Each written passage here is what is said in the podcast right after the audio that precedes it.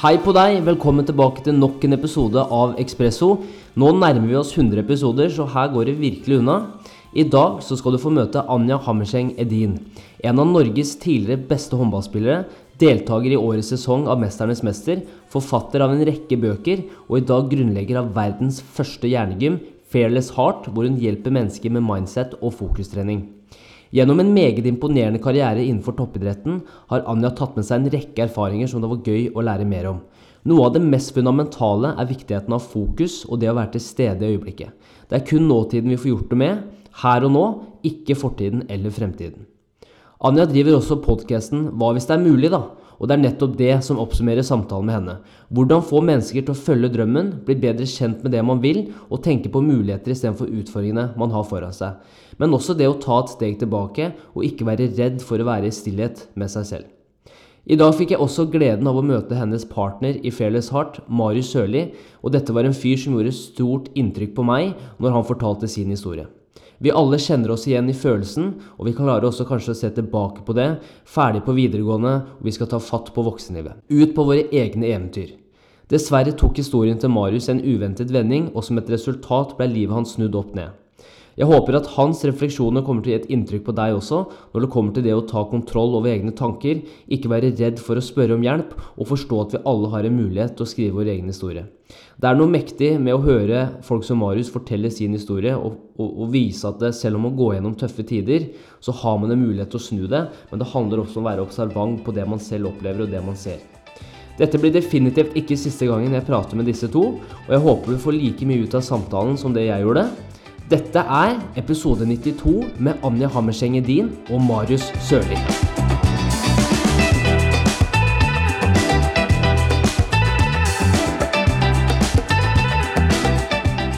Hallo, begge to. Velkommen til, eh, til Ekspresso. Tusen takk, altså. Tusen takk. Ja. Hvordan er det å være med så langt? Det, vet du hva, det her er jo stort for oss begge, egentlig. For det, det, vi skal prate om i dag, det er noe som er så nære hjertet vårt eh, til oss begge to. Så vi syns det er veldig godt å få lov å være med og få lov å bringe et budskap som vi virkelig tror på videre. Mm -hmm. mm.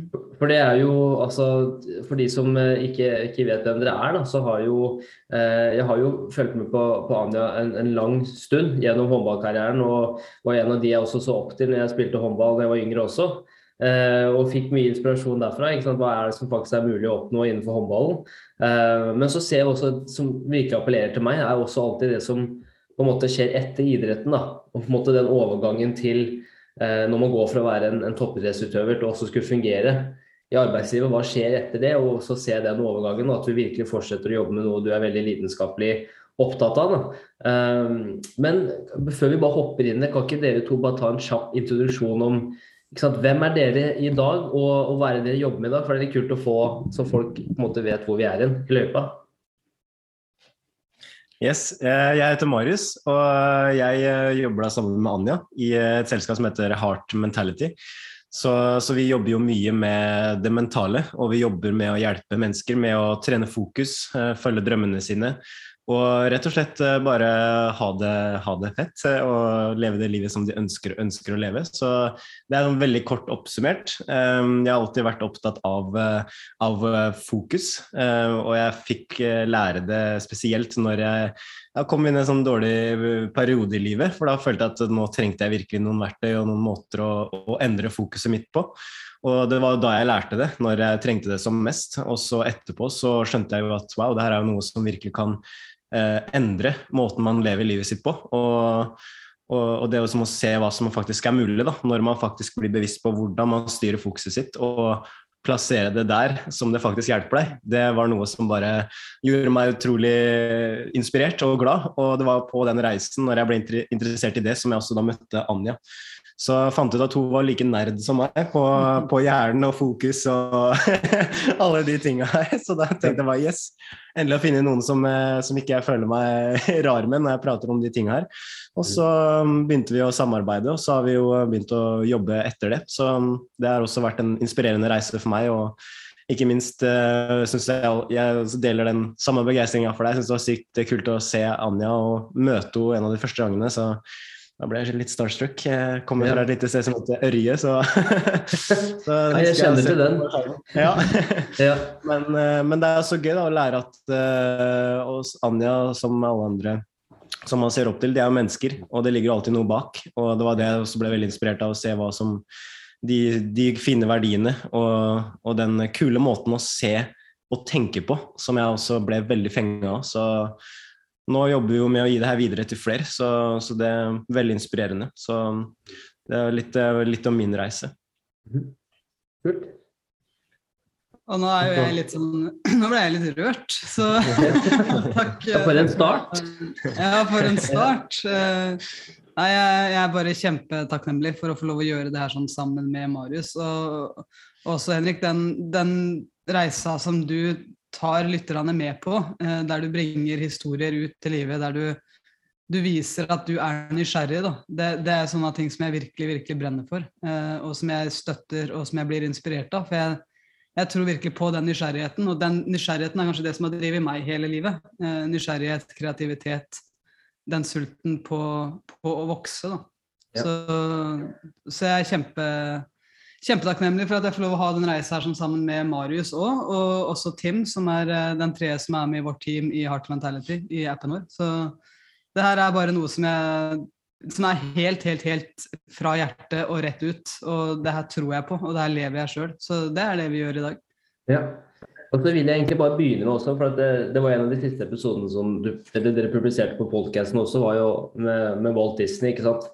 Og, og jeg vet at dere smiler begge når jeg sier det nå, men den, den, historien for meg er sånn Den virkelig treffer fordi at um, han har på en måte vist at det gikk ikke nødvendigvis på første forsøk. Men liksom den derre den, der, altså den mentaliteten og den forståelsen at sant? så lenge du vil noe, så kommer du til å få det til. Det er bare snakk om tid, ikke, snakk, ikke sant. Og, og så bare det, det, treffer så veldig da, når du ser f.eks. Og jeg har sagt dette til de som lytter på podkasten før, at det er sånn Jeg veit at dette er et, måte, et, langsiktig spill også, fordi at mm. uh, det kommer til å ta tid før ting begynner å løsne, men samtidig så så lenge du har den genuine nysgjerrigheten for hva du ønsker å få til, eh, men også de menneskene du møter. Da. Og Her kommer jo også fokus inn, ikke sant, å virkelig være til stede når man har de samtalene, for det er da det blir best. Um, men for dere, da, altså den, den, episoden med Walt Disney, på en måte, hva var det som, hva er det som appellerer til dere med, med, Walt Disney? For meg så har jo Walt Disney vært uh, Walt Disney har vært et konsept for meg. Uh, før jeg skjønte at han faktisk var en mann. For, for jeg vokste opp med jeg vokste opp med barneøyne, jeg vokste opp med animasjonene som han skapte med Disney World, med alt det som han skapte. Eh, men, men det å liksom tappe inn i hva er det som gjør at et menneske klarer å skape det her når det har blitt voksent? Det syns jeg, jeg, er kjempespennende, fordi at det er så innafor å drømme når vi er barn det er så innafor å være kreative og være skapende og være nysgjerrige når vi er barn. Og så når vi begynner å bli eldre, så er det så, så mange som lar den bli Altså, livet tar litt kvelertak på det, da, ofte, når vi blir eldre. Men for Walt Disney så, så levde han hele livet sitt i tråd med hva det jeg syns er gøy. Og han slapp ikke tak i det selv om han blei voksen. Jeg syns det er så innmari fint. Og så møter han altså Han får sparken, eh, for han var ikke fantasifull nok, hadde ikke nok ideer. Sant? Bare det aleine syns jeg er en liten wow-opplevelse å vite om. Sant? Ja. Og at han da starter opp sitt eget selskap og går konkurs. Det er sånn det, Alle de tingene her kan være en showstopper for så mange. da. Og at han da fortsatt har den driven. Ja, men jeg vet hva jeg elsker, jeg vet hva jeg er satt på den jorda her for å gjøre. Jeg er her for å skape, jeg er her for å lage det jeg har inni meg, og vise det til flere og gi det videre som en gave. Mm. For det, han kan lett skape det her i sitt eget univers, sant? i sin egen mentale verden. Han kan skape Disney World i sin mentale verden, som vi alle har. Sant? Vi har den mentale verden som vi er i 47 av tida, og mange lar de drømmene være der. Ja. Men han tenkte at det her vil jeg dele med flere. Mm. Så han, han, kommer seg opp på hesten igjen hver eneste gang og stiller ja. på startstreken med ny kunnskap. Da og lærer av alt som har skjedd. Og jeg syns hele den reisa der, den synes jeg er like magisk egentlig som de fine historiene som vi har fått høre via Disney. Da. Mm. Ja. Det er jo en film i seg selv, på en måte. Ja, det er jo det. Det er jo faktisk ja. Så, men det er jo også sånn Tror dere det er noe man kan altså Selvfølgelig tror dere det, men det der, er, det, er, det, en egenskap som kan læres? Ikke sant? For at eh, veldig, altså for, det er ikke mange årene tilbake hvor man trodde at hjernen var på en måte fast. Altså den, Du kommer hit med det, de, de, verktøyene du har, og så er det på en måte den som du er da, som person. Men nå, de siste tiden er jo nå man har skjønt at altså, den er jo fleksibel, så du kommer til å lære gjennom hele livet. Men tror dere den egenskapen til å liksom altså, fortsatt tenke positivt og optimistisk gang på gang på gang, hvor kanskje majoriteten tenker at å nei, nå feiler du, eh, kan det læres?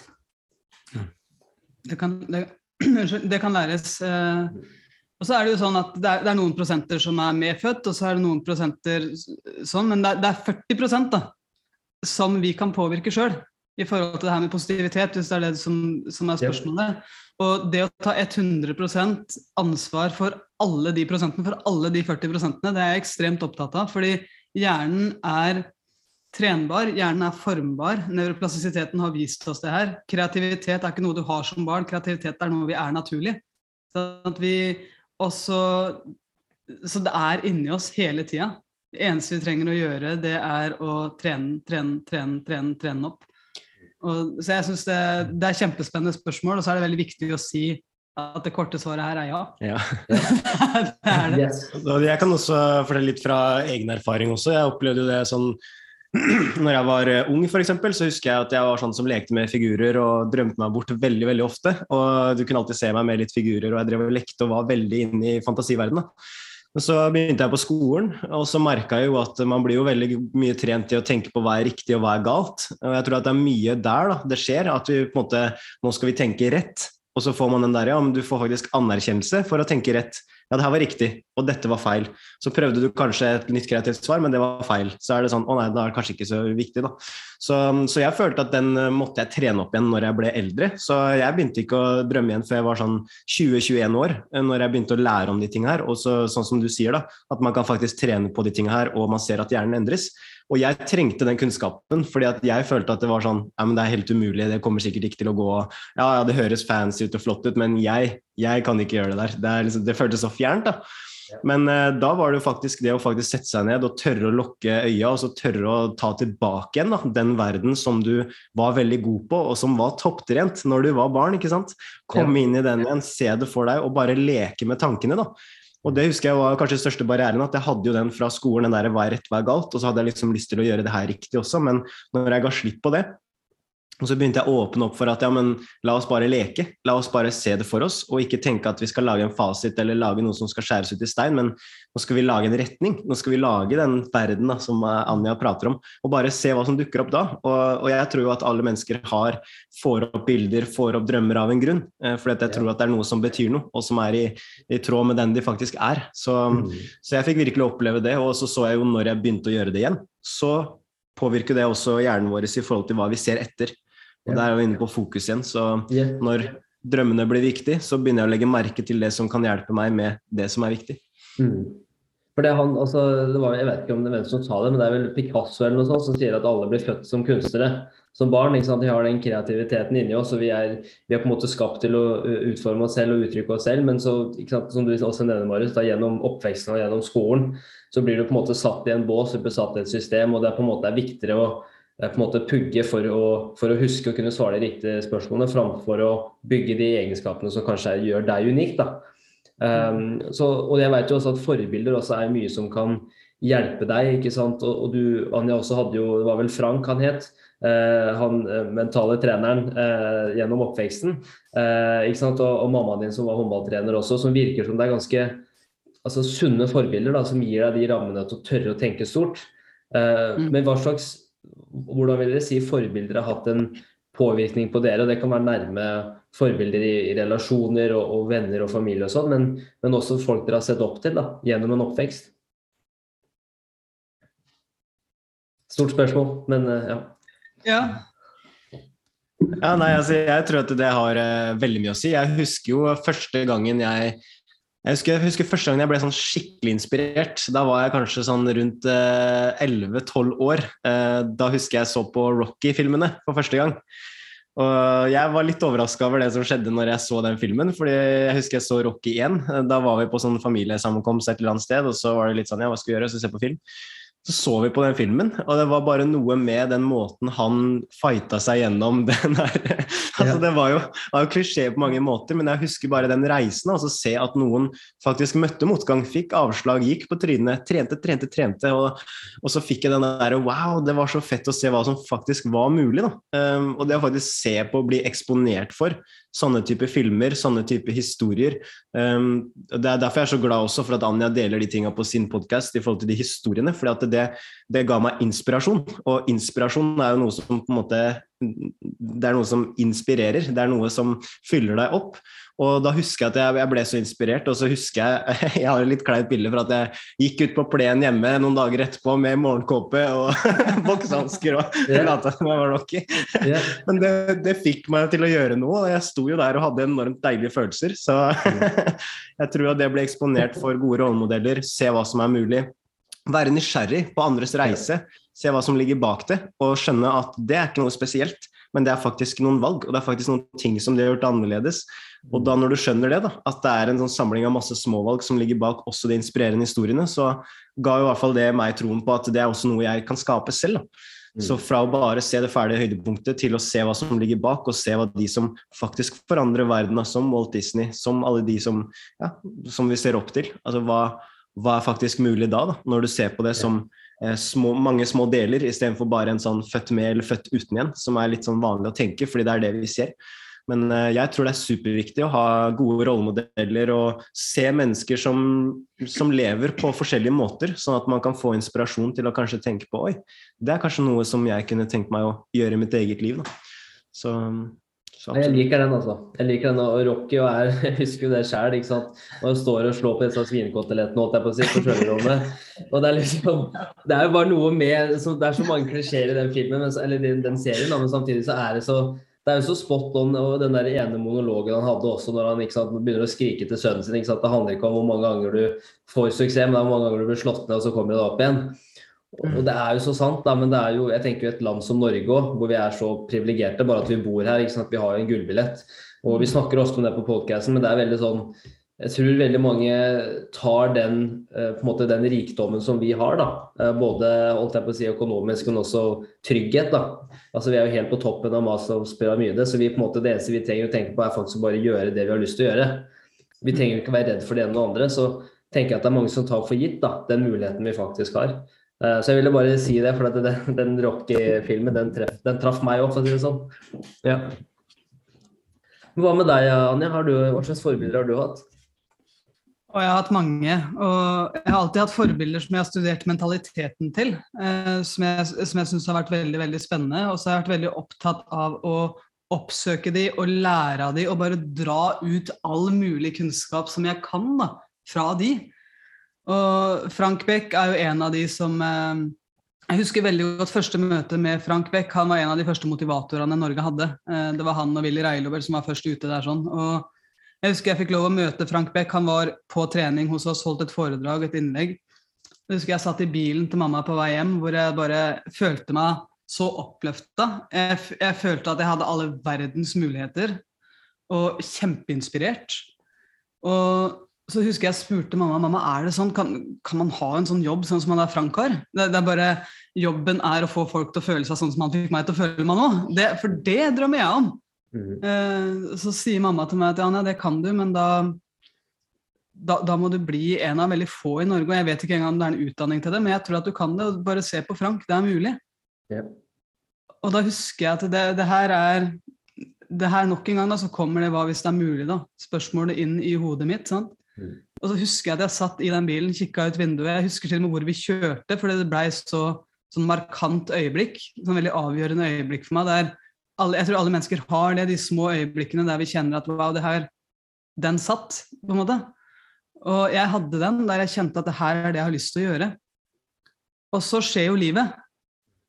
Og så blir jeg også dratt inn i den normalen, inn i den forventninga, inn i den greia der hva er det som er vanlig å gjøre når du er håndballspiller? For vi er veldig vant til at da tar vi utdanning i tillegg, og i hvert fall der som jeg spilte, for der var det ikke veldig mye økonomi egentlig på den tida der. Ja. Eh, så jeg tok da Jeg endte opp med å ta lærerhøgskolen. Ble utdanna lærer. Og da husker jeg så ekstremt godt, da var jeg vel oppe i 20-åra, jeg var 26 eller noe. Og jeg sto på lærerværelset på en videregående skole på Hamar. og det hadde akkurat ringt inn, vi skulle gå opp på å ha en sånn time, og jeg hadde fullt av bøker under armen. Og så ser jeg liksom at det sitter en fyr ved siden av meg i sofaen som er så drittlei. Altså, du vet når hele kroppsspråket bare viser at det her suger, da. Oh. Og han hadde Han var liksom ja. Du vet når han reiste seg, så var det sånn sånne. Det var på det nivået. Ja, ja. Og, så, og da kjente jeg den frykten inni meg, og så hører jeg at han sier ah, fire måneder igjen, så er det over. Og da han skulle bli pensjonist da, om fire måneder. Og jeg, da kjente jeg den frykten, eh, at det kan være mitt liv. Ja. Sant? Og da skjønte jeg at jeg har ikke vært ærlig med meg sjøl. Og da boom, så går fokuset mitt tilbake igjen til den bilturen med mamma. Mm. Ja. Hvor jeg skjønner hva jeg egentlig drømmer om, hva jeg egentlig er satt her for å gjøre. Så, og det jeg skal si nå, det er ikke sånn at det her anbefaler jeg alle å gjøre.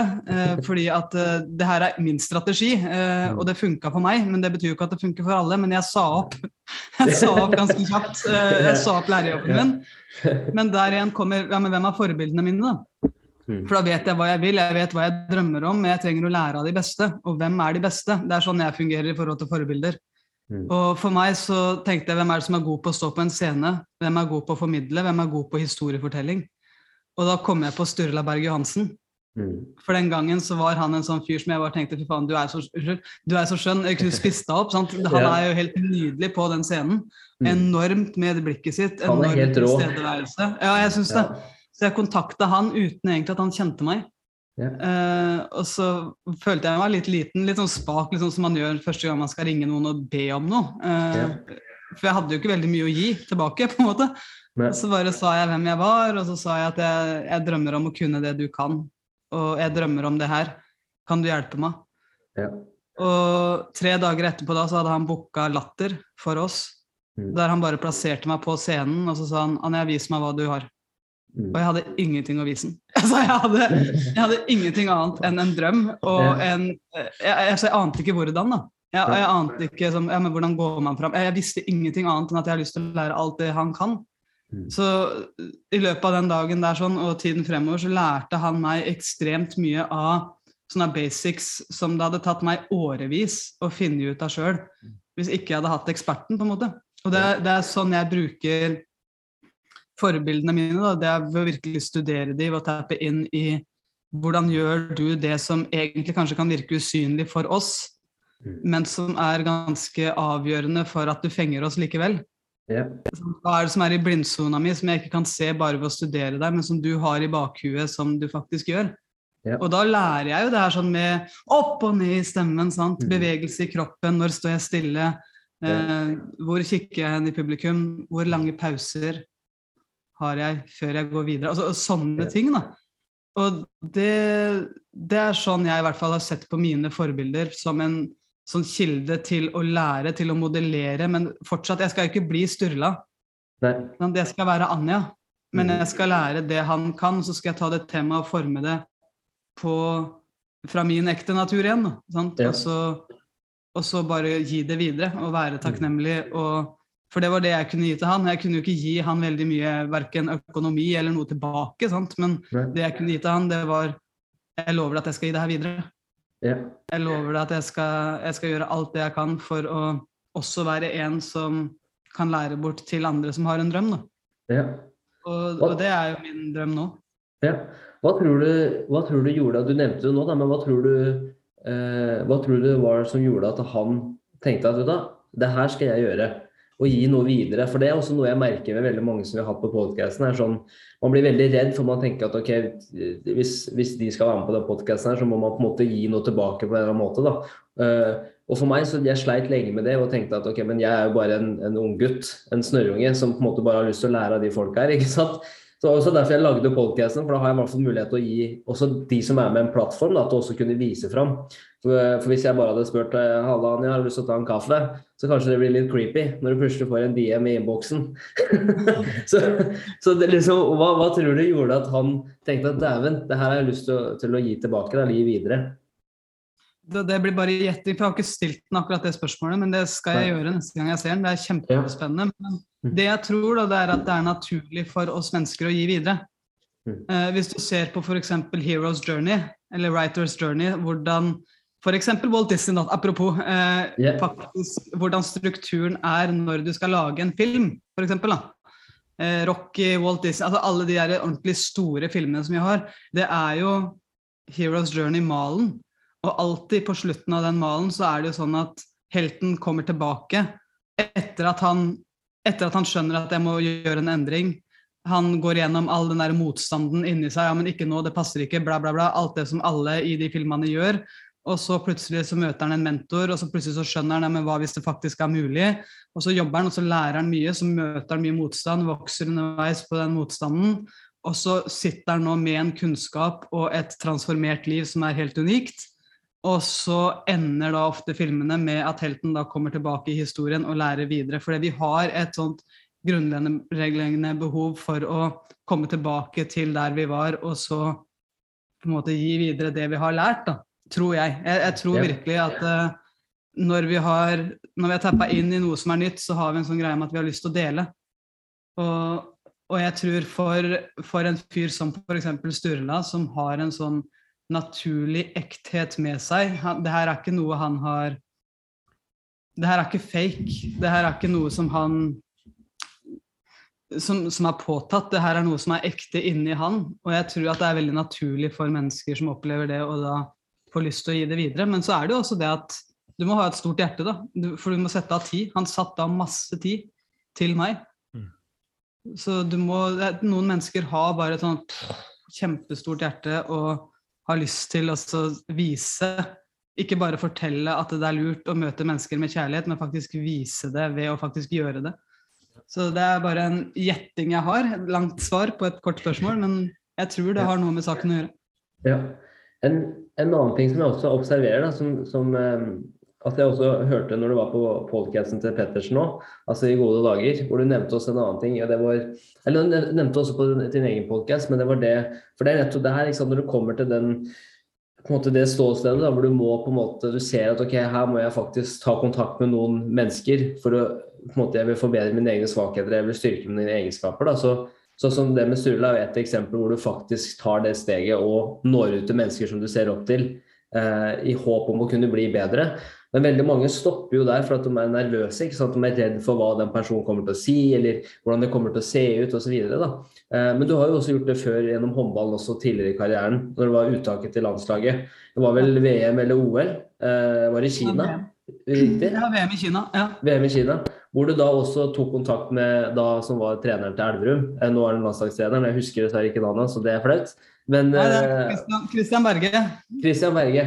Og bare det også sier jo noe om, om deg som person. fordi at jeg føler at det er så viktig, da, for man er så redd for hva folk sier. Eh, og det var også jeg i begynnelsen med den podcasten. Jeg tenkte, ikke sant, Når du tar kontakt med folk du har sett opp til så mange år, så er det sånn Hvorfor i granskauen skal de si ja til å være med, være med på den podcasten? Men så ser jeg også at som du sier, da, de fleste har lyst til å eh, også uttrykke seg selv og gi noe tilbake. Eh, men kan du ta oss litt igjennom den tankeprosessen når du faktisk da skal oppsøke noe som, som du har lyst til å lære av? Ja, og, og jeg tror at når jeg vet hvorfor, når det kommer fra et sted av ro, av ekthet inni meg, eh, så vet jeg det at jeg gjør det med stor ydmykhet. Men det er så viktig for meg. Da. Jeg har et tydelig, tydelig, tydelig hvorfor. Og, og jeg, da er det viktigere for meg enn å beskytte egoet mitt, rett og slett. Det, det, det er viktigere for meg enn å risikere å bli såra. Og egentlig så tror jeg ikke at om Christian Berge hadde sagt nei, om Sturle hadde sagt nei, så tror jeg ikke jeg hadde ligget hjemme og grinet. Da hadde jeg tenkt hvem andre kan jeg lære av?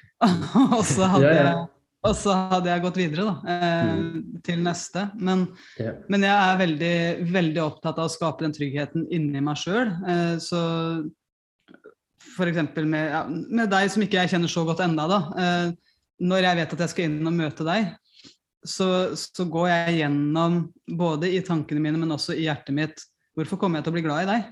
Mm. Hvor, hvorfor kommer vi til å ha det gøy sammen? Hvorfor kommer det til å bli en interessant samtale? Og når det er det jeg fyller min mentale verden med, Mhm. så sitter jeg her med trygghet i det øyeblikket du tar på kamera. Ja. Jeg vet at mitt utgangspunkt det er ikke å bli likt av deg. Det er ikke at du skal synes at jeg er god nok eller at jeg er interessant nok, men mitt utgangspunkt er at jeg liker deg. Mm. Jeg gleder meg til å lære mer om deg. Jeg gleder meg fordi at jeg vet at du er nysgjerrig. Du er kunnskapstørst, du har lyst til å vite mer.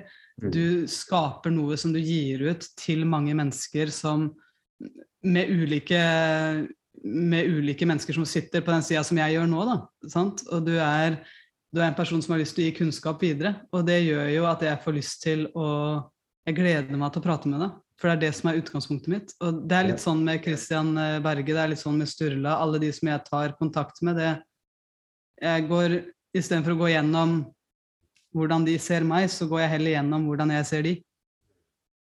For det gir meg den roen, det gir meg den tryggheten. Og så kan jeg stille spørsmål. Det betyr ikke at jeg ikke er nervøs, men det betyr at det er verdt det. For meg. Mm. Ja. ja det der er, det der er mektig. Altså. Hvordan var det for deg da, Marius, når du møtte Anja første gang? Du nevnte at du ble litt starstruck. ja. Nei, det var jo veldig spennende. Altså, det var jo, jeg kjenner meg veldig igjen i det du sier i forhold til det å kontakte folk som du tenker sånn Ja, men deg har jeg jo bare sett opp til, men hva med lille meg? Og Ja, ja, ja. jeg starta jo en, en blogg om, eh, om mindset for å liksom, gi, det, gi det videre, da. Og så blogga jeg jo i ja, nesten hver dag i flere måneder liksom, før jeg liksom, turte å spørre Anja. da. og det var jo sånn, eh, det var sånn jeg tok kontakt med henne første gangen. Jeg spurte om hun ville være med på intervju. da. Um, så, og jeg spurte også veldig mange som også sa nei, så det ble noen avslag der også. Men uh, Anja var veldig sånn uh, Hun var sånn Ja, går det greit om jeg venter til etter treninga, liksom? Og jeg bare Oi, ja, det går fint. Vent i tre måneder. Det går helt fint. Jeg, tar det akkurat når det passer. Mm. Uh, men jeg tror kanskje um, eh, kanskje hun kjente litt igjen det der ønsket om om å gi det videre. da, Og faktisk eh, um, gi noe tilbake som er ekte, og som ikke er noe som andre har fortalt meg at jeg må gjøre, men noe jeg har lyst til å gjøre sjøl. Og, og, og, det var sånn når jeg møtte Anja, så var det jo sånn at jeg ville jo vise henne at jeg hadde lyst til å gi det videre også. Så vi begynte jo å holde kontakten etter det intervjuet, og så spurte du liksom, hva, hva, hvorfor er du så interessert i det her, og du er så ung og sånne ting. Og så eh, var det bare at jeg begynte å dele ting med henne. At jeg, det her drømmer jeg om å gi videre til flere og, og sånne ting. Og da, da, tror jeg kanskje at man kanskje får en følelse av at man bidrar til noe fint, da, istedenfor å bare være sånn Hei, kan du bli med? Eh, bli med på podkasten min. Så er det sånn Ja. Ok, men, men hvorfor, liksom? Ja. Hvis du har hvorfor, da, at jeg ønsker å inspirere andre mennesker, jeg ønsker å gi tilbake, jeg ønsker å gi noe videre, da, så, så tror jeg det er at man kanskje føler at man kanskje er med på noe også. Det er ikke bare en sånn eh, hei og hå og ha det, men det er faktisk en sånn å, kult, nå får jeg vært med på noe, gitt noe fint, og det er kanskje litt enklere å prioritere tida si for sånne ting da. da. Um, Ja. så, så absolutt. Men jeg tror også det er, det er tilbake igjen til det hjertet, da. Og det er jo derfor vi også kaller bedriften vår for heart mentality. Fordi at eh, vi ser hvor mye som, som kommer fra hjertet, da. Og når det kommer fra et sted som er ekte, så, så er det ofte Ja, man får en helt annen energi, da. Og, og da tror jeg også det er lettere å tappe inn i den, men at jeg går inn i ubehaget òg, da. Fordi at jeg syns det var ubehagelig å kontakte alle disse menneskene og spørre om de ville være med. og jeg fikk jo de spørsmålene ja, hvorfor skal han være med på din, eh, din blogg, liksom. Jeg bare nei, det er jo et godt spørsmål sånn sett, men jeg bare skulle gi litt sånn ja, Så det var kult å høre hvordan tenker han nei, han har ikke tid til meg, jo greit. Ja. Så skal jeg spørre flere, liksom, men den derre som Anja sier, da, at ja, men da, det fins flere mennesker, og det fins alltid nye muligheter, men hvis det virkelig betyr noe, så der tror jeg da man fortsetter. Mm. Fordi at eh, da betyr det mer å fortsette enn det vil være å slutte, da. Um, Ja. Jeg tror det er mye, mye, mye handler om det. Og ja, jeg vet ikke er, hvorfor du bruker den tida di, du, men eh, ja, det er et godt spørsmål. da. Hva var det som gjorde at du, du tenkte at ja, dette er interessant, og her ønsker jeg å investere mer tid? Uh, først så møter jeg Marius som en veldig nysgjerrig uh, gutt. Og, og jeg, jeg fikk Første gangen jeg møtte deg, så fikk jeg en sånn følelse av at wow, det her er, her er det en connection da, som føles veldig ekte. Og jeg, på, akkurat på den tida der, hvis jeg kan være litt, litt lite ydmyk eh, Jeg syns det er litt vanskelig å si høyt, men, men akkurat på den tida der så var det veldig mange som ville prate med meg. Eh, For sånn blir det ofte når du, når du ramler inn på landslaget og du gjør sånne ting som folk syns er litt kult. da. Mm. Eh, Men så var det noe med Marius der jeg skjønner at det her handla ikke om håndballspilleren Anja. Det her handla om at han har en genuin interesse for mentaliteten som jeg også brenner for. da. Mm. Uh, og så fulgte jeg med på det som du gjorde over tid. For det er, det er, veldig fort gjort å bare si ja, det her er spennende, og så holder du ut et kvarter, liksom. Ja. Så, men det er det som du sa tidligere også, Henrik. Det er den utholdenheten, det å vite at jeg gjør det her over tid. Uh, det her er faktisk noe jeg lever. Mm. For det er veldig viktig for meg. Det, jeg så at Marius levde det. Jeg så at Marius var hel ved. Det her var ikke bare ord, det her var noe han faktisk gjorde, og han gjorde jobben med seg sjøl. Mm. Ikke, han har en ganske heftig historie som gjorde at han måtte gjøre den jobben. Mm. Ja. Og, og, jeg så den, jeg så historien hans, og jeg så årsaken til hvorfor han ville gjøre det. Mm. Så, så, jeg blei veldig Og jeg er veldig opptatt av å jobbe i lag. Jeg er veldig opptatt ja. av den teamfølelsen, og jeg trengte noen mennesker på mitt team som faktisk var interessert i å bringe det her videre til verden. Ja. Og der blei Marius eh, det tok vel ikke så mange år før du flytta til Larvik og, mm. og, begynte å jobbe sammen. Og ja, siden så har vi egentlig bare hengt masse sammen. Mm. Ja. Det er jo helt rått. Ja, jeg kjenner meg jo veldig igjen i det du sier. Liksom, hvem er jeg oppi der? Fordi jeg har på en måte ikke skapt noe enda. Men det var jo også det som jeg også skjønte, at ja, men det, du trenger jo ikke å være perfekt. eller Det handler jo ikke om eh, hvor berømt du er eller hvor kjent du er, eller sånne ting, men mm. jeg tror veldig mye handler om eh, intensjonene dine. da, eh, Hvorfor du gjør dette. Så, og det tror jeg man føler, da, fordi at det er litt vanskelig å ja, Det er litt vanskelig å liksom skygge over det som faktisk er ekte, så, fordi at det vil skinne igjennom. Så mm. jeg tror mye, mye handler om det. da, Å ha de gode intensjonene og ville bidra til noe fint. Da, da tror jeg mm. man kommer veldig langt. og. Sånn tror jeg det er også sånn i business og alt sånne ting òg. Hvis du bare har enveiskjøring, så er det ikke sikkert at det er mange som har så lyst til å bidra. Med en gang det blir vinn-vinn begge veier, jeg ønsker deg også vel, så, så, blir det også ofte fører det til bedre, bedre løsninger, bedre samtaler og, og bedre, bedre, vibes, da, for å si det sånn. Men det er jo også den, den historien der òg, som er sånn er ikke, Tenk hvor sjukt det egentlig er at det her sitter vi i dag, og så på en måte Hadde du aldri nådd ut, eh, Tanja, da, så hadde du aldri sittet her. Og det er liksom det er de tingene her som bare som treffer meg sånn skikkelig. at liksom, ja, Som du sier, da, ikke sant? og det står på T-skjorta di hva hvis det er mulig? Hvis det er mulig, da, og det er litt den der som Tenk hvor rått det er liksom at det, hvis man aldri spør, da, så, så kommer man aldri til å finne ut. Eh, og veldig mange tenker jo sånn ja, men åh, hva hvis det her skjer, da? Hva hvis det, liksom, da hvis det, alle de negative konsekvensene? Ja, men altså, Dere snur jo helt på det. Ja, men hva hvis det faktisk er mulig? Hva hvis det faktisk går bra? Og veldig mange tenker jo, er jo mer redd for, å, eh, er redd for de tingene man mister, framfor det man kan tjene. på en måte da. Um, så, og Marius, for din del, hvis du ikke vil dele den historien Men jeg vil gjerne høre historien hvis du har lyst til å snakke om det. Så altså, har vi mm. tid til det hvis du har lyst til det. på en måte. Jeg kan godt, uh, godt dele den. Det var jo ja. um, det var jo uh, Altså, jeg vokste opp, spilte jo mye fotball. Um, Elska å gjøre det, og det var noe av det beste jeg visste. Og, men så merka jeg også det at eh, jeg hadde en veldig sånn tendens til å Hvis jeg skårte tre mål da, i første omgang, og så slo jeg en feilpasning i andre, så var det på en måte da feilpasningen jeg så. da. Mm. Så, så, jeg tenkte veldig ofte på de tinga jeg ikke fikk til, og de tinga som ikke gikk bra. Eh, det var jeg topptrent i, da. Så fokuset mm. mitt var alltid plassert nesten alltid på, på det jeg ikke fikk til. da. Så, så jeg sleit jo med å se det som faktisk var bra, og det jeg faktisk fikk til. Og og, og, det, sånn der, det var så fascinerende, for jeg elska jo fotballen og fikk så mye glede av det. Og, og, hadde det fint. Jeg hadde gode venner, hadde en god familie som støtta meg og sånne ting. Men det var liksom den måten å være med seg sjøl, måten jeg så meg sjøl og de tinga jeg gjorde. Så jeg er veldig god til å dra meg sjøl ned. Og så skjer det en hendelse når jeg er eh, rundt 2021, hvor jeg, eh, jeg drar på en fest med noen venner. Og så ender den kvelden med at eh, jeg setter meg i en bil, og så kjører jeg av gårde i i høyt berusa tilstand, og så krasjer jeg inn i et uh, autovern ved en bomstasjon. Og, og, det kom som sånn lyn fra klar himmel. Og um, i den perioden der så kommer det jo konsekvenser av det jeg hadde gjort. Uh, heldigvis så gikk det bra. Jeg hadde på meg belte, eller så hadde jeg mest sannsynligvis fløy ut av ruta, for jeg hadde veldig høy hastighet. Um, og det som jeg syns var vanskelig med det, var jo at uh, alle de tankene som kom etterpå, uh, og alt det der som skjedde etterpå, sånn i forhold til ja, jeg fikk gjeld, jeg måtte utsette alle planene mine, jeg skulle inn og studere, uh, skulle reise inn med kompisene mine og liksom var klar for å virkelig kjøre på. da.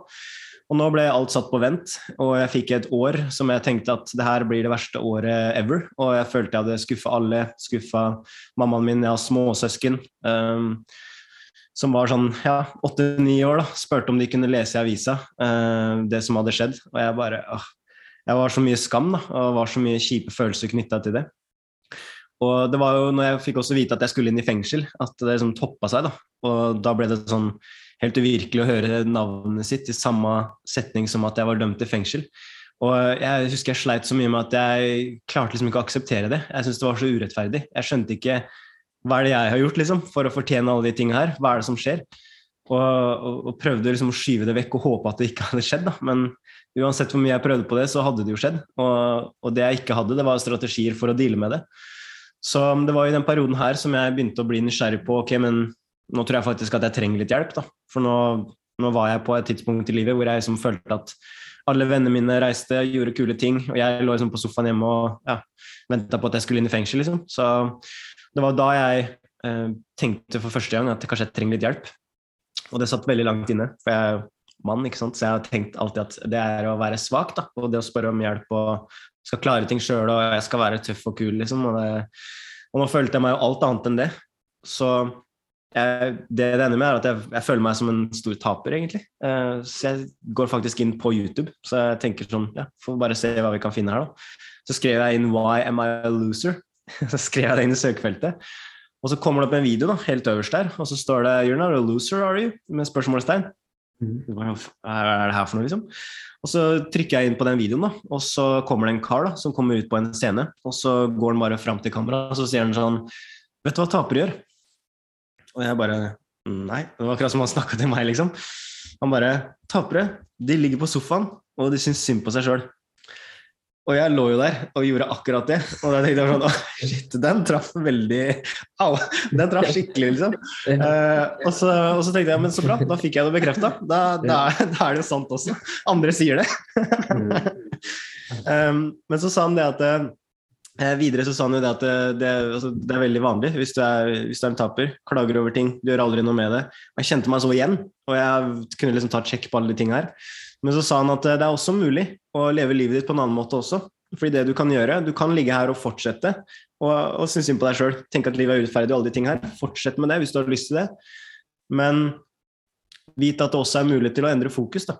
Det er mulig å også se ting annerledes. Det er mulig å tenke på hva du lærte. Det er mulig å tenke på hvilken historie har du lyst til å lage nå. Og når jeg fikk de spørsmålene her, og når jeg fikk en kar som liksom utfordra meg da, og liksom, fordi Folk rundt meg sa jo hele tida men det går jo fint, og det her går over, og det kommer til å gå så bra, og kan skje den beste, og sånne ting. Og det var jo hyggelig å få den støtten, men for meg så Jeg følte ikke at jeg fikk brukt den til så mye annet enn å liksom Ja, det er jo liksom midlertidig hyggelig å høre, digg å ha støtten, men, men hva gjør jeg? Og det var jo da eh, jeg skjønte det, når han stilte meg de spørsmålene og utfordra meg, så skjønte jeg jo at det her er jo ikke en bekreftelse på at jeg er mislykka det her er jo faktisk en enorm mulighet til å endre på den historien. Og lage den eh, comeback-historien på han som reiste seg opp igjen. Og han som ikke fortsatte å ligge der og grave seg ned i dritten, men hva skal til for å reise meg opp igjen? Hva skal til for at jeg kan bruke det her som en styrke framover? For det var det jeg lærte av den hendelsen og alle tinga jeg gikk gjennom. Det var at jeg trodde aldri jeg skulle oppleve det, og jeg trodde aldri det skulle bli en del av livet mitt. Men så lærte jeg meg også at jeg kunne gå gjennom det, og jeg kunne deale med det. Og hovedforskjellen i eh, at jeg faktisk klarte å håndtere ting på en bedre måte, det var at jeg lærte meg at jeg har et fokus, og jeg kan styre det. Og jeg kan velge fokus i enormt krevende situasjoner. Så kan jeg velge det. Og, og, det er en treningssak, og det for meg å lære det, at jeg har et fokus, jeg kan trene det, jeg kan plassere det der jeg kan faktisk bygge meg sjøl opp, det ga meg frihet. Og det ga meg optimisme, og det ga meg håp om at jeg faktisk kan snu den situasjonen her. Da. Jeg kan reise meg opp igjen, jeg kan faktisk fighte og vise hva som bor i meg. Da. Så jeg fikk en sånn Jeg ble så oppløfta, og jeg ble så inspirert, og jeg fikk kanskje en av mine kuleste år, faktisk. Selv om jeg flytta inn til søstera mi, selv om jeg hadde masse gjeld, jobba to jobber, havna i fengsel, gjorde alle de tingene her, så var det en periode hvor jeg lærte at shit, du er på vei i den retninga der, men du kan også dra dit. Mm. og det var en sånn deilig greie å lære. Så jeg begynte å lære av flere, jeg begynte å kontakte mennesker, jeg begynte å fòre hodet mitt med inspirasjon, med eh, ting som løfta meg opp. Jeg lytta på det. Jeg sykla jo til jobben i all slags vær og hørte på kjente, kjente motivasjonstaler, og jeg leste forskning på hjernen og prøvde å forstå meg sjøl, for jeg ville virkelig bygge meg sjøl opp igjen. Og det var jo da når jeg virkelig så effekten av det, at jeg tenkte at det her er for bra til å holde for meg sjøl. det her må jeg bare gi videre. Og det var jo derfor jeg starta den bloggen, og derfor jeg ønska også å gi det videre. for det er jo litt sånn som Anja sa i stad, at uh, når du har lært det, og når du har uh, fått til noe, så er det enormt givende å gi det tilbake igjen. Så, så, det var egentlig bare Det var da jeg skjønte den kraften av fokus, og den kraften av at du trenger ikke å definere deg sjøl basert på det som har skjedd, men du kan heller definere deg sjøl basert på hvem du velger å være fra nå og fra det øyeblikket her og framover. Og det ga meg den friheten jeg trengte for å, for å komme meg videre og, og skape det livet som, som jeg drømte om. Så først og fremst, altså, Takk for at du deler det, for det er en helt rå historie. Altså sånn, eh, og Du snakker jo om svakhet, men jeg tenker jo at hvis, hvis, du trenger bevis og eksempler på mental styrke, så er det jo akkurat det du bringer til bordet der. Det er jo helt, altså, alle, og særlig, altså Jeg vet hvor du kommer fra når du sier menn, ikke sant, og det å spørre om hjelp. Da er du svak. ikke sant, og Det er jo bare tull. Det er jo det stikk motsatte. ikke sant, Tenk hvor sterk du er da i en sånn situasjon, hvor du tenker bare, vet du hva, fy faen, her skal ikke jeg være mentalt. Ikke sant? Og så tar du deg sjøl i nakken og bare Og det tenker jeg sånn For når jeg sitter og hører på noe, så må jeg innrømme at jeg fikk en liten tåre i øyekroken fordi at sånne ting da er bare sånn på en måte man, man tenker at når man ser folk som, som, oppnår suksess på en eller annen måte, da, så tenker man at ja, men det er bare medfødt. At de bare er en helt annen liga. Men sånn som det du prater om nå, tenk hvor mye du har klart å endre retning og ta, deg, ta tak i deg selv da, bare pga. at du har jobba med huet og jobba med det mentale. Og, og derfor, bare når jeg sitter og hører på noe, så tenker jeg sånn Tenk hvor, tenk hvor undervurdert det mentale egentlig er i forhold til at, sånn som du nevnte innledningsvis, Anja også, at uh, altså det er 40% du er i kontroll over sjøl. Så sørg for at alle de prosentene at de har du kontroll på. Mm. Det er helt rått å høre. altså Jeg syns det er kjempegøy. Og, og, jeg skjønner jo nå Anja også at du finner Marius veldig interessant, for det gjør jeg også. Men den, den tanken og den mentaliteten som du har, da, Uh, nei, det var helt rått, altså. Jeg må bare si det. Ja. Ja, tusen takk, det setter jeg veldig pris på. Det, mm. det, det, betyr mye, så tusen hjertelig takk. Og um, Det er jo litt sånn i forhold til det som vi snakka om tidligere òg, i forhold til uh, hvem blir du inspirert av, um, og det å gi videre. Så var det jo en av de tinga som jeg drømte om, var jo f.eks. å lære meg å, å, kunne formidle den historien her og kunne fortelle den videre. Og da hadde jo Anja fått en trening av Sturla, og hun hadde begynt å bygge seg opp som foredragsholder. Og når jeg spurte om hun kunne hjelpe meg med det, så ga hun det videre til meg. Så hun har jo gitt meg en gave som har gjort at jeg kan kunne faktisk eh, leve av det og kunne få bli kjent med nye mennesker og ikke minst da kunne eie sin egen historie. Um, ja. For det også syns jeg var kjempeskummelt i starten å snakke om de tingene her, men det er også en enorm kraft i å faktisk dele hvordan du faktisk har det, og, og være ekte. Fordi at uh, folk kjenner igjen det. Uh, vi er alle mennesker, og det er det som er felles for alle mennesker på kloden her, er at vi er mennesker.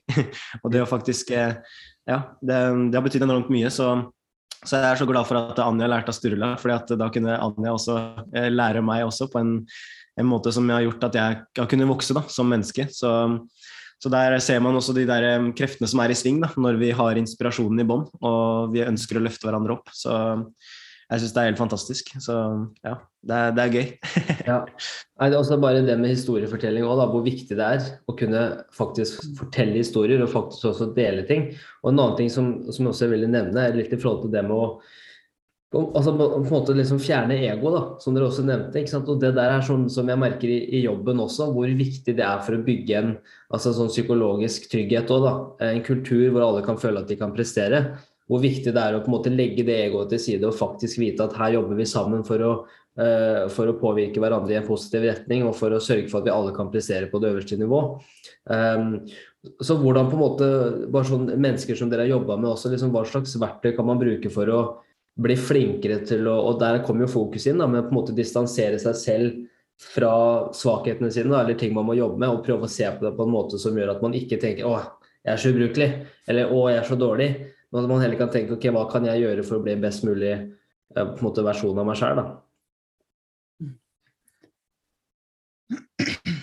Det er et stort, stort spørsmål, da. Men jeg bruker Det er store spørsmål her i dag. Men siden du tar opp psykologisk trygghet, da, så syns jeg det er, eh, det er, kjempespennende. For jeg mener jo at uh, psykologisk trygghet for meg altså Det å være trygg, for å si det enklere, da. Det å være trygg sammen med andre. Så trygg at jeg kan tørre å be om hjelp. Så trygg at jeg kan tørre å sette ord på mine behov. Det starter hos meg. det starter ikke hos Marius som skal gi noe til meg. Så, så, for min del så er det ekstremt viktig å jobbe med min egen ro, med min egen trygghet. Og det er det som er naturlig. Det er det vi mennesker er helt naturlig. Det er Vi er ro. Vi er helt naturlig fra et sted av ro, av et sted av kjærlighet. Og så kommer det mange lag på utsida der sånn eh, etter hvert. Men når jeg f.eks. skulle inn i 'Mesternes mester', da, så visste jeg at hvis jeg skal kose meg sånn sammen med den gjengen, så trenger jeg å være trygg på de. Og da bruker jeg den teknikken med at jeg i min mentale verden stiller meg de spørsmåla Hvorfor kommer jeg til å bli glad i deg? Hvorfor kommer vi til å ha det gøy sammen? For det, det er ofte det jeg gjør når jeg møter folk. Og da finner jeg jo svaret på det, for det er sant det Marius sa i stad, at det vi, det vi leter etter, det finner vi. Og når jeg vet hvorfor jeg blir glad i f.eks. pølsa, som du nevnte, da, eh, mm. eller Nadia, eller Nils, eller Bjørn Einar altså, Når jeg mm. vet hvorfor jeg blir glad i alle de her, så er det mye lettere for meg å sette ord på hva jeg trenger for å ha det bra her. Sånn, for nå har jeg full Altså, jeg, jeg, har hele min mentale verden og hele mitt hjerte som er stappfull nå av årsaker til at jeg liker de. Mm. Og når jeg liker de, så blir jeg trygg på de. Og når jeg er trygg på de, så kan jeg sette ord på det jeg trenger for å ha det bra der. Og da kan jeg også akseptere at vi har ulikheter. For jeg, har, jeg, kommer fra et grunnleggende sted der jeg er oppriktig glad i dem. Og selv om de gjør ting på en annen måte som meg, selv om de har andre preferanser enn meg, så har jeg en mye lengre snor av tålmodighet og kjærlighet til på en måte det som er annerledes, da, ja. enn det jeg ville hatt hvis mitt utgangspunkt var å gå inn for å bli likt. Mm. Ja, så det er ofte sånn man jobber i lag, da. Ja. ja. for han nevnte jo, eller Det var jo det eksempelet med at uh, altså, pølsa liker å spille litt funky musikk uh, på morgenen for å komme i gang, mens du må gå til, gå til sengs tidlig og eller stå opp tidlig for å meditere. og Det er det som er så morsomt òg. Liksom, jeg tror bare det som, som, som dere også snakka om, er bare det der å det å liksom bare kunne ta den forventningsavklaringa så tidlig som mulig. Bare vite dette er sånn jeg funker best. Dette er sånn jeg funker dårligst. Liksom. Tenk hvor mye Eh, bare på en arbeidsplass, da, hvis du veit hvordan mennesker fungerer optimalt, tenk hvor mye tid du sparer. Og hvor mye friksjon og sånn, hvis du allerede veit fra starten at på en måte Anja funker på den måten her, Marius funker på den måten og Henrik funker på den måten. Tenk, hvor, tenk hvor mye lettere det er og mye bedre vi kan jobbe sammen hvis vi allerede veit det fra starten av. da. Ja, ja, ja. Men hvordan var Å, sorry. Hva sa du? Ja, Da slipper vi all den tolkinga og analysen om hva vi tror og antar og sånn. Da, da, slipper vi det. Så vi sparer mye tid der òg, da. Ja. Men hvordan var uh, 'Mesternes mestere'? For det er jo, jeg, som jeg sa til, til Håvard Tvetten da han var her i fjor, så, så tulla jeg litt med ham og sa at det er jo nesten litt som å være med på litt sånn reality Paradise Hotel. Uh, bare bortsett fra alle de andre greiene, selvfølgelig. Men hvordan er den følelsen å på en måte sjekke inn Sjekke inn liksom og Jeg holdt på å si miste kula i gulvet, men uh, liksom sjekke inn sammen. Og hvordan er den følelsen? Å være sammen med så mange mennesker? Uh det var, en, det var en, helt, helt, helt fantastisk opplevelse. Eh, fordi mm. at eh, jeg fikk lov å møte mennesker som jeg oppriktig er nysgjerrig på. Og eh, mennesker som hadde lyst til å være der og skape et godt miljø sammen. Eh, og som var ærlige i innsatsen. Jeg får en veldig veldig respekt for mennesker som tør å si at de gir alt. Og ikke later som at nei, nei, det betyr ikke så mye, og later som det i tilfelle de feiler, men som faktisk tør å si at vet du hva, jeg ga alt, jeg. Og i dag var det godt nok, i går var det ikke det. Og det å ha den ærligheten i bånn, jeg liker det veldig godt. Og så likte jeg også veldig godt at uh, vi gir hverandre tid og rom til å fortelle, og vi øver på å lytte, da. Ja. Jeg likte veldig godt middagene. Jeg likte ekstremt godt at vet, når vi sitter rundt det bordet, så får vi bare sånn, et tema, og så skal alle si litt om det temaet. Og da kommer det jo veldig ulike perspektiver frem. Altså, jeg syns det var veldig veldig interessant. Hva, hva, tenker du om det? Og så plutselig så kan det være noe helt annet enn det jeg tenker om akkurat det samme temaet. Så nei, jeg syns det var en helt fantastisk opplevelse. Og så var det jo det var jo krevende. Det er ikke tvil om det. Vi er jo vant til å stille godt forberedt i tinga vi gjør, blant annet. Og det, ja. det, å ikke vite hva vi skal i dag, det var eh, Det var god læring. Det var god trening. Ja. Ja, man blir jo man blir godt kjent gjennom de ukene. Også litt sånn som du sier da, Hvor mye det er sånn det er, det er, ulike øvelser som du ikke er forberedt på, som du bare på en måte må også ta på sparket. ikke sant? Uh, men jeg kan jo tenke meg sånn det ser ut fra utsida. Altså, det må jo være en skikkelig opplevelse med tanke på menneskene du møter. Um, men var det noen som, som, du møtte der inne som ga mest inntrykk på deg? i forhold til Det kan være bakgrunn, hva de har vært igjennom, hvordan de tenker. Var det noen som du møtte som tenkte dæven, det her hadde jeg ikke tenkt på før?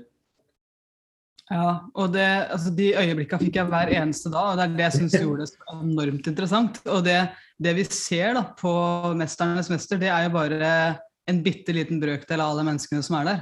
Mm. Det er jo kamerateam, det er produksjonsteam, det er en hel haug med mennesker som vi også blir kjent med, som ikke syns på kamera. da. Så jeg fikk, de, jeg fikk de opplevelsene hver eneste dag. Men av deltakerne som, som folk kjenner, så må jeg bare si det at uh, Bjørn Einar, selvfølgelig. Det satte jeg også ord på underveis. Det er sånn. Ja. Uh, jeg syns det var spennende å høre Nadia sine refleksjoner rundt hvordan det var å komme fra Hviterussland og den mentaliteten det var rundt barneidrett der versus Norges pedagogikk, da, som var helt annerledes. Og, og det, må, at de tankene hun hadde rundt det Jeg syns det var kjempespennende å høre om hvordan hver enkelt utøver brukte visualisering før konkurranser. Altså hva foregår i din mentale verden før du skal inn og prestere på topp. Der hadde vi veldig ulike strategier og ulike mønstre. Og så syns jeg det er spennende sånn type historien til Nils. At han egentlig følte seg som en uh, overvektig ung gutt som ikke nødvendigvis hadde funnet det han elska, da. Og så, og så finner han roing og så bare transformerer hele han seg fordi han får lov å gjøre det som han elsker. Så jeg syns det var så innmari mange spennende historier. Uh, ja, virkelig. altså Utrolig spennende mennesker, alle sammen. Så jeg fikk jo aldri nok av å sitte rundt det bordet. Jeg var dritlei jeg hadde så lyst til å ha flere middager. Så det var jo ja, men det skjønner, jeg, det skjønner jeg kjempegodt. Altså. Det skjønner jeg kjempegodt. Ja, men det som var fint, da, det er at vi røyk i når, når, vi røyk ut, så kom vi til et hus hvor alle de andre som også hadde røyket ut, var. Og da, ja. da Så festen fortsatte? Ja, den gjorde det, altså. Den gjorde det på naboøya. Det er litt sånn Paradise her, føler jeg. Litt som det går ja. naboøya, så kommer du tilbake igjen i finalen. ja, og det var egentlig litt, det var litt ja. godt, for da, da ble det en sånn ordentlig debrief hvor vi ikke mm. skulle noe. Vi skulle bare henge sammen, og så var det veldig lite internett der. Ja. Så det var liksom en ordentlig sånn uh, følelse at nå er det oss, og vi har hverandre, og nå kan vi prate om alle inntrykka vi har hatt, og mm. bare være sammen. Jeg syns det var ordentlig godt. Ja. Men det der er sånn så viktig, da, den, der, den nysgjerrigheten som du nevner. Og, og, Det er også derfor jeg elsker å ha de samtalene her. for nå, sånn som nå, liksom, nå har vi snart sittet opp mot, opp mot timen. Uh, og vi kan sitte her og faktisk prate helt uavbrutt. da. Uh, og Man kan bare være til stede og bare liksom, jeg kan bare ta til meg alt det dere forteller og, og, og lære videre til meg. og det er sånne ting som det er jo så fantastisk at uh, det samfunnet vi er i nå, hvor liksom, du blir jo avbrutt av den her hele tida, mer og mer, ikke sant. Og at du er på hele tida, men at det er alltid noe. Og du nevner jo også det med fokus, ikke sant. Som du har snakka om før, at det var vel sånn uh, forskning fra Harvard eller hva det var, sånn 47% av tida så er vi oppe i vår egen uh, mentale verden. Uh, og liksom bare det kunne virkelig være til stede. Um, så det siste jeg vil egentlig prate om i dag, også, er noe som jeg vet at vi alle tre har til felles. og det er den forståelsen for hvorfor altså meditasjon eller fokus er hvorfor det er så viktig, og kanskje viktigere enn noen gang før. Um, men kan ikke dere bare kjapt fortelle om hva er, det, hva er det egentlig meditasjon er for de som ikke vet det, eller sånn som dere snakker om det, da fokus. Hva er det, og hvorfor er det viktig? Ja, det er jo uh, Altså Meditasjon er jo litt sånn som med trening. Det er jo mange, mange, forskjellige treningsmetoder man kan gjøre, men det som er veldig basic, altså meditasjon betyr det du holder, det du holder i sinnet. Da. Så det er på en måte det du holder i tankene dine uh, gjentatte ganger over tid. Det er på en måte meditasjon. Da. Så du trener jo opp evnen til å konsentrere deg på noe. Uh, det kan jo være uh, setninger man sier, det kan være pusten, det kan være lyder, det kan være hvordan kroppen din føles. Eh, men felles for det er at man skal holde fokus på én ting av gangen. Da. Uh, og vi er jo topptrent i distraksjon, sånn som du nevnte i stad. Jeg er jo topptrent i å liksom Oi, shit. Hvis jeg, uh, hvis jeg har på Bare du ser lyset, bare du ser at det skjer noe på skjermen, så er det sånn Hva er det? Og så blir man veldig sånn, og da er man jo distrahert, ikke sant. Mm. Så, så, men vi har jo ikke så mye trening i konsentrasjon, og det er jo det vi gjør i meditasjon. Vi trener opp fokuset vårt til å kunne konsentrere seg på én eh, ting av gangen. Og, og, så handler det, Mange tror at det handler om at man skal klare å holde fokus så lenge som mulig. Og jo lengre du holder fokus, jo bedre er du på meditasjon. Men eh, det, altså det, er, eh, det, er, en dame som heter Sharon Salzberg, som henta mye inspirasjon fra. og Hun sier at du mediterer ikke for å bli god på meditasjon, men du mediterer for å bli god på livet. Uh, og det får man virkelig uh, godt kjennskap til, det indre livet du har, når du setter deg ned og mediterer, for da har du ingen, ikke noe stimuli rundt. Og da blir det jo veldig ekte det som kommer opp, for da kommer de tankene opp. Og, og spesielt, jeg liker ofte å ha stillhet når jeg mediterer. Man kan jo også ha musikk og sånne ting også, men det å faktisk bare være stille med seg sjøl Mange syns jo det er kjempeubehagelig. Jeg syns det var ubehagelig før, fordi at jeg hadde ikke, noe, hadde ikke noe kontroll på tankene mine. Eller det ble ofte en baseline hvor jeg begynte å dra meg sjøl ned. Da. Så jeg hadde ikke så lyst til å sitte og være stille med meg sjøl. Mm. Men det å faktisk trene meditasjon, så trener du opp evnen din til å registrere hvor fokuset ditt er, hva som dukker opp, og det å møte ting sånn som det faktisk er. Ikke sånn som du håper at det skal være, eller uh, du ønsker at det skal være. Det er som tanker kommer, og tanker går. Mm. Og det å lære seg å akseptere det, det kan være en enorm frihet. Fordi at du slipper å henge deg opp i ting som kommer og går på repeat opp i hodet ditt. Hvis du blir nysgjerrig på det, og du skjønner at å ja, men nå tenker jeg faktisk på den tingen som skjedde i forrige uke, f.eks., for eksempel, og så går jeg fortsatt og bærer på den. Ok, Skal jeg fortsette å bære på den, eller skal jeg sette ned og så tenke på hva jeg kan gjøre med det? Og så får man innsikt og forståelse. Og liksom For å lage et bilde som også kan hjelpe til med å forstå det, er jo hvis du tenker på litt tankene som bølger, da, så er det jo litt sånn uh, Noen dager så er det mye tanker, mange ting som skjer. Det kan være litt sånn at det er, det er storm på sjøen, da. Um, men Eh, når du mediterer, så lærer du deg egentlig bare å akseptere den stormen. Og, og noen ganger, uansett om det er mye tanker eller lite tanker, så, så handler det mye om aksept. Akseptere det som er der, når, når, det er der. Og så hente fokus til den oppgaven som du har, da, uten å dømme deg sjøl, men gjerne smile hvis det skjer ofte, og så hente fokus tilbake igjen. Og Det som er spennende med det, er jo at da roer jo aktiviteten veldig ofte ned. da. Um, og, og, når aktiviteten roer seg ned, så blir jo sjøen mer stille. Og når sjøen er stille, så er det også mye lettere å se hva er det som er under. Så Før så var det bare bølger, men nå ser du ok, men det er de tinga her som dukker opp. Det er de tinga her som dukker opp i meditasjonen, eller det er de tankene som dukker opp. Så uh, for meg så handler det også veldig mye om forståelse. Uh, å være med den realiteten som faktisk er, og ikke prøve å skyve ting vekk, men ønske det velkommen. Um, så I appen vår for eksempel, så har jeg jo et, et nybegynnerprogram i meditasjon som tar deg gjennom ulike måter å, å, se det på, og ulike historier og ulike teknikker som man kan trene på. Men mye av det handler bare om å registrere, akseptere, og så fokus tilbake igjen til det som er oppgaven. Da. Så det som er fett med det, er jo at man ser jo også hjernen, når man studerer de som mediterer mye, så ser man jo at det er de områdene som har ansvar for at du har, eh, du har konsentrasjonen på plass, da. du har fokuset på plass. De styrkes. Og så ser man også at når tankene dine vandrer, og du henter tilbake igjen, den evnen der, å hente det tilbake igjen, det er kanskje det mest magiske. Fordi at vi pleier som regel bare å la tankene gå. Men nå henter jeg det tilbake, nå ble jeg bevisst på det. Men nå har tankene vandra over på helt andre ting. ok, det er greit. Og så henter jeg fokus tilbake igjen. Den evnen der også trener du opp under meditasjon. Så de som vi har hjulpet, og både oss sjøl, men også idrettsutøvere, ansatte, eh, privatpersoner som vi hjelper veldig mye, de har jo sagt det at når de mediterer, så merker de at åh, jeg merker mye fortere når fokuset vandrer over på andre ting som kanskje ikke hjelper meg. Og så da får jeg faktisk den magiske muligheten å hente fokuset tilbake igjen.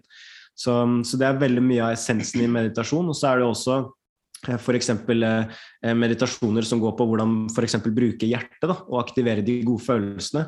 Og Der har jo Anja eh, sertifisering og jobber veldig mye med hjertefokusert pust. Så du kan fortelle litt om det også, for det er enormt eh, spennende.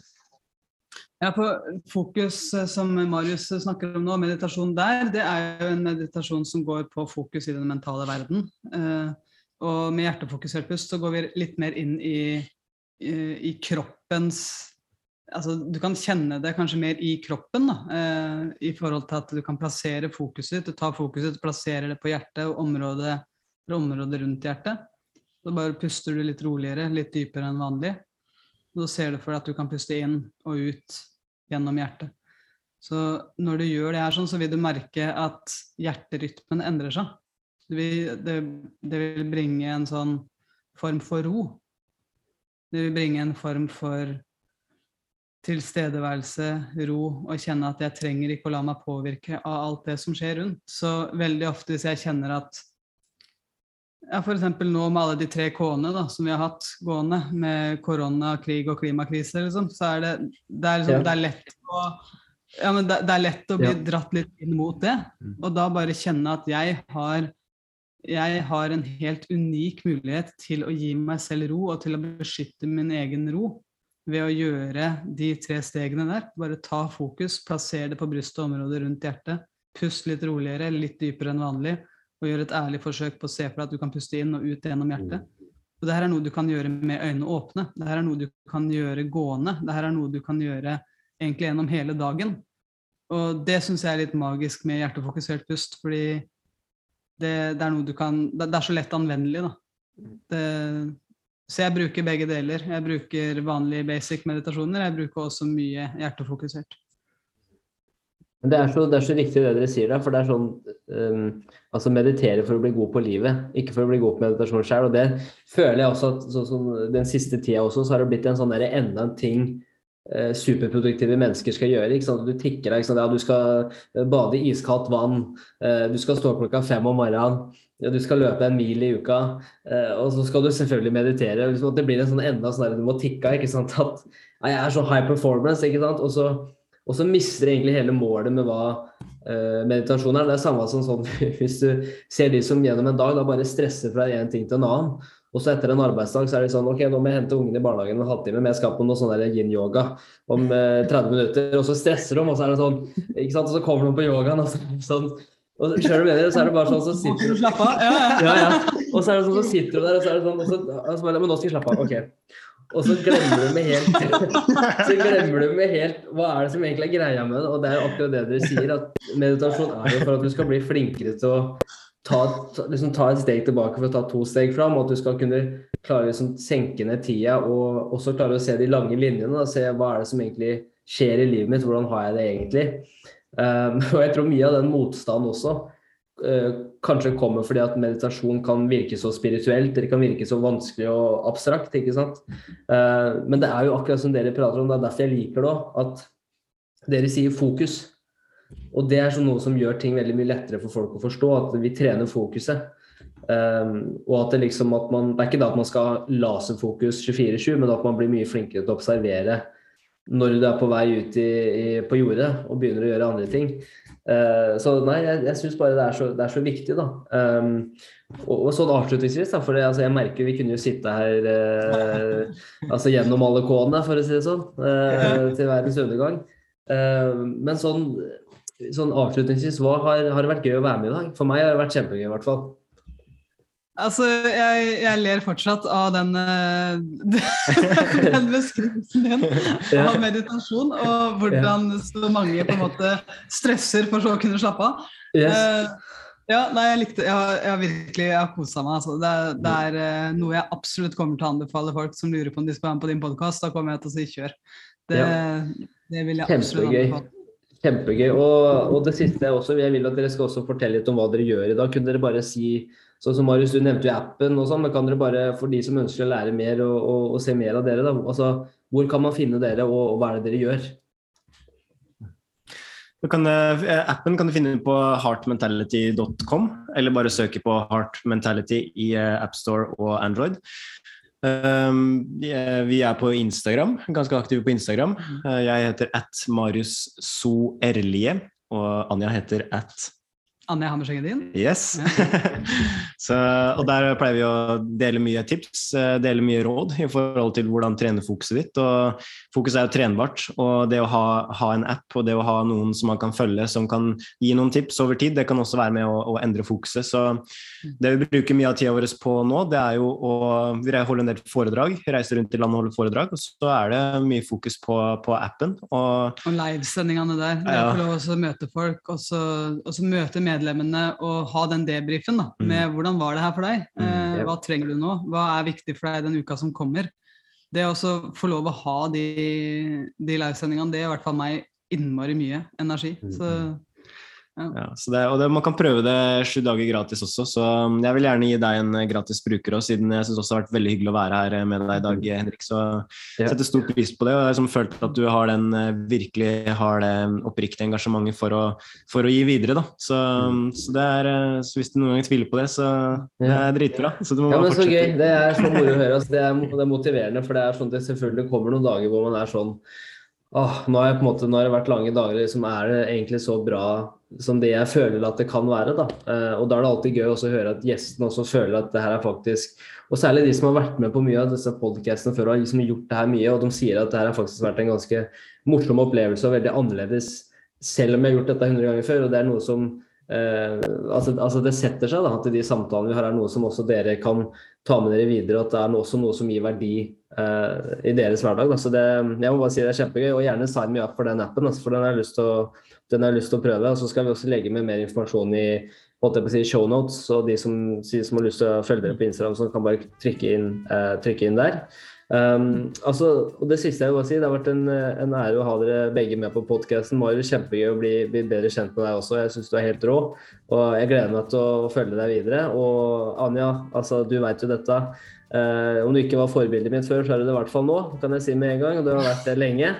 Men altså, ja, kjempegøy å ha dere med i dag, altså.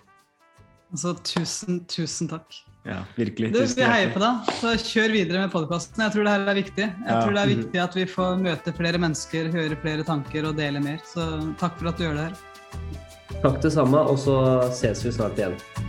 Det gjør vi. Hei. Ha det bra. Ha det bra.